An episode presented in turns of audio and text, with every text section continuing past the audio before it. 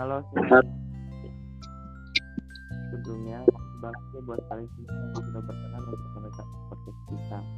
Ya kan kakak? Iya dong. Oh iya nih teman-teman, pastinya kalian mau kenalan dulu dong sama kita, kita yang sini. Kenalin nama aku Hikmat dan ini juga aku buat teman-teman aku. Ada Kak Cita, Kak Sarul, Kak Cindy dan juga Kak Bella. Udah enak ya sekarang udah tahu masing-masing namanya. Aku mau tahu dong kak podcast apa sih yang bakal kita bahas kali ini? Ada yang mau jelasin nggak? Jadi gini Kak Hikmat, di sini kita mau bincang-bincang dan diskusi aja nih terkait kasus-kasus pembedahan umum dan juga teknik anestesi atau prosedur peri anestesinya, yang berarti udah mencakup dalam hal pre, intra, dan pasca anestesinya juga, yang gak jarang kita dengar di kehidupan sehari-hari atau yang gak asing gitu lah Kak. Nah, juga ya kak. Pasti teman-teman di sana juga gak sabar buat dengerin podcast kita kali ini. Oh iya, di sini kita punya dua kasus nih. Aku bacain langsung aja ya kak, biar kali teman-teman bisa gak sabar buat dengerin. Boleh banget tuh kak. Eh, untuk kasus yang pertama yaitu bedah onkologi. Ada seorang perempuan umur 26 tahun dengan fibrio adenoma mamae. Nah, akan melakukan ekstripasi PAM dengan anestesi umum dan menggunakan LMA. Kesadaran kompos mentis yang berarti normal, tekanan darah 120 per 80, nadi 80 kali per menit, respirasi 12 kali per menit, temperatur 36,5 derajat Celcius, tidak ada riwayat asma. Pasien tampak cemas, berat badan 55 kg. Gigi dan mulut tidak ada kelainan, hasil pemeriksaan lab. Hemoglobin 12 gram per dl. Neurosis 8000, fototoraks tidak ada tanda tanda pulmonom aktif. Makan dan minum terakhir 8 jam. Buat kakak-kakak nih, aku mau tanya apa aja sih yang harus disiapkan atau langkah apa saja yang ada selama peri anestesi ini? Nah, bagian preoperasi nih. Jadi, preoperasi itu persiapan buat operasi dari kasus yang sudah dijelaskan sama Kak Hikmat. Buat kakak-kakak penata anestesi, pastinya udah tahu dong apa aja yang perlu dipersiapkan. Eh, untuk langkah pertama, pre-anestesi yaitu ada anamnesis pasien. Identitas anamnesa khusus yang berkaitan dengan penyakit bedah yang akan dilakukan tindakan bedah.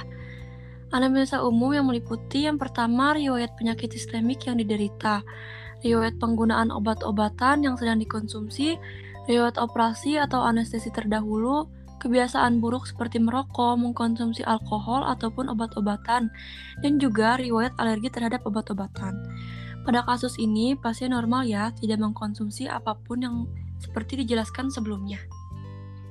Selanjutnya, pemeriksaan fisik. Yang pertama, pemeriksaan atau penilaian seperti kesadaran, frekuensi nafas, tekanan darah, nadi, suhu tubuh, dan juga berat badan di sini 55 kg. Pada kasus ini pun semua nilai dalam keadaan batas normal ya. Yang kedua, pemeriksaan keadaan psikis. Pasien tampak cemas, dalam kasus ini dapat diberikan obat pramedikasi diazepam dengan dosis sesuai anjuran dokternya. Yang ketiga, pemeriksaan keadaan gigi dan mulut. Di sini pasien tidak ada kelainan ya. Dan yang keempat, pemeriksaan fisik umum dilakukan secara sistematik untuk semua sistem organ tubuh pasien. Nah, selanjutnya pemeriksaan laboratorium pada kasus pasien yang dibacakan pun hasil nilai pemeriksaan laboratorium pasien dalam batas normal. Lalu, konsultasikan dengan dokter anestesi terkait teknik anestesi, apa yang akan dilakukan dan menentukan prognosis pasien perioperatif, termasuk asa berdasarkan pasien tersebutnya. Pada kasus kali ini, pasien termasuk ke dalam asa 1, yaitu pasien sehat tanpa gangguan penyakit sistemik. Nah, menyiapkan alat dan obat anestesi seperti mesin anestesi dan juga statik.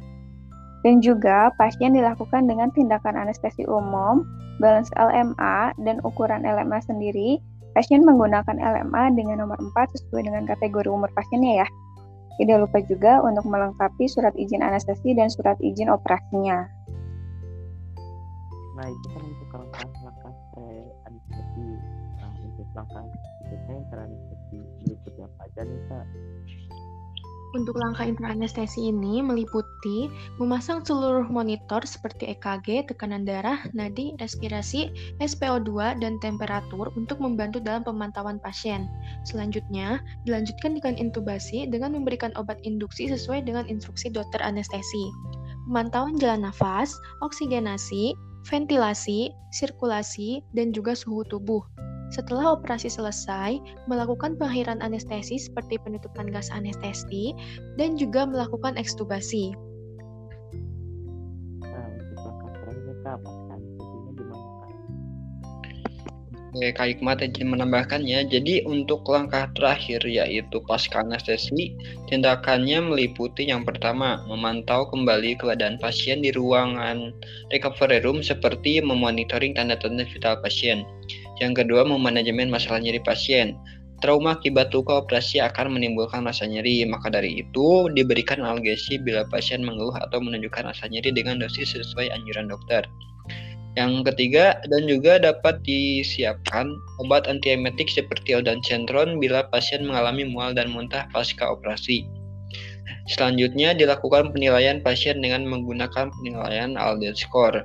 Jika nilai skor pasien lebih dari 9, maka pasien boleh dipindahkan ke ruang perawatan biasa. Nah, itulah diskusi kasus pertama kita tentang bedah. Selanjutnya aku bakal bacain kasus kedua kita tentang bedah digestif.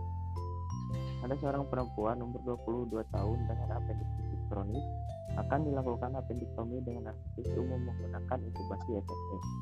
Untuk alamatnya di Jalan Rancaikek nomor 10. Pekerjaannya mahasiswa kesadaran umumnya kesadaran umum kompos mentis tekanan darah 120 per 80 nadi 80 kali per menit respirasi 12 kali per menit temperatur 37,5 derajat celcius tidak ada riwayat asma pasien tampak cemas berat badan 55 kg gigi dan mulut tidak ada kelainan di pemeriksaan lab darah hemoglobin 13 gram DL leukosit 12.000 F.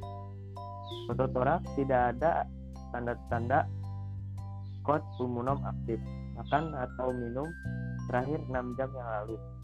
Surat izin anestesi dan surat izin operasi lengkap. Pada pelaksanaan anestesi, dokter anestesi dibantu oleh penata anestesi.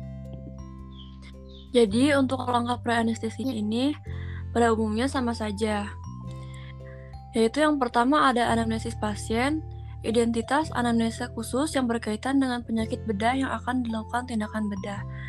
Anamnesa umum yang meliputi yang pertama riwayat penyakit sistemik yang diderita, riwayat penggunaan obat-obatan yang sedang dikonsumsi, riwayat operasi atau anestesi terdahulu, kebiasaan buruk seperti merokok, mengkonsumsi alkohol ataupun obat-obatan, dan juga riwayat alergi terhadap obat-obatan.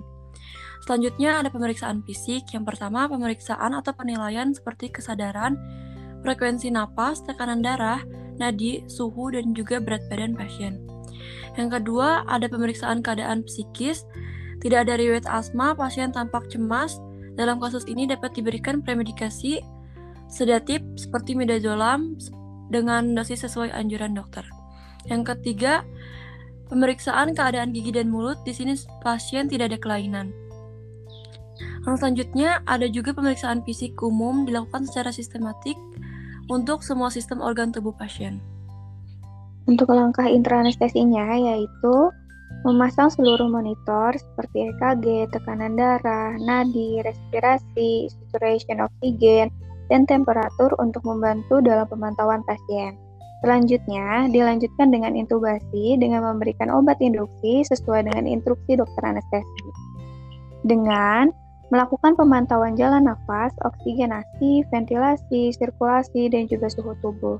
Setelah operasi selesai, melakukan pengakhiran anestesi seperti penutupan gas anestesi dan juga melakukan ekstubasi. Dan juga langkah yang terakhir yaitu pasca anestesi sendiri meliputi memantau kembali keadaan pasien di ruang recovery room seperti memonitoring tanda-tanda vital pasien, Lalu memanajemen masalah nyeri pasien. Trauma akibat luka operasi akan menimbulkan rasa nyeri. Maka dari itu, berikan analgetik bila pasien mengeluhkan atau menunjukkan rasa nyeri dengan dosis sesuai dengan anjuran dokter. Dan juga dapat disiapkan obat antiemetik seperti ondansetron bila pasien mengalami mual dan muntah pasca operasi. Selanjutnya, dilakukan penilaian pasien dengan menggunakan penilaian Aldred Score. Jika nilai pasien lebih dari 9, maka pasien boleh dipindahkan ke ruang perawatan biasa.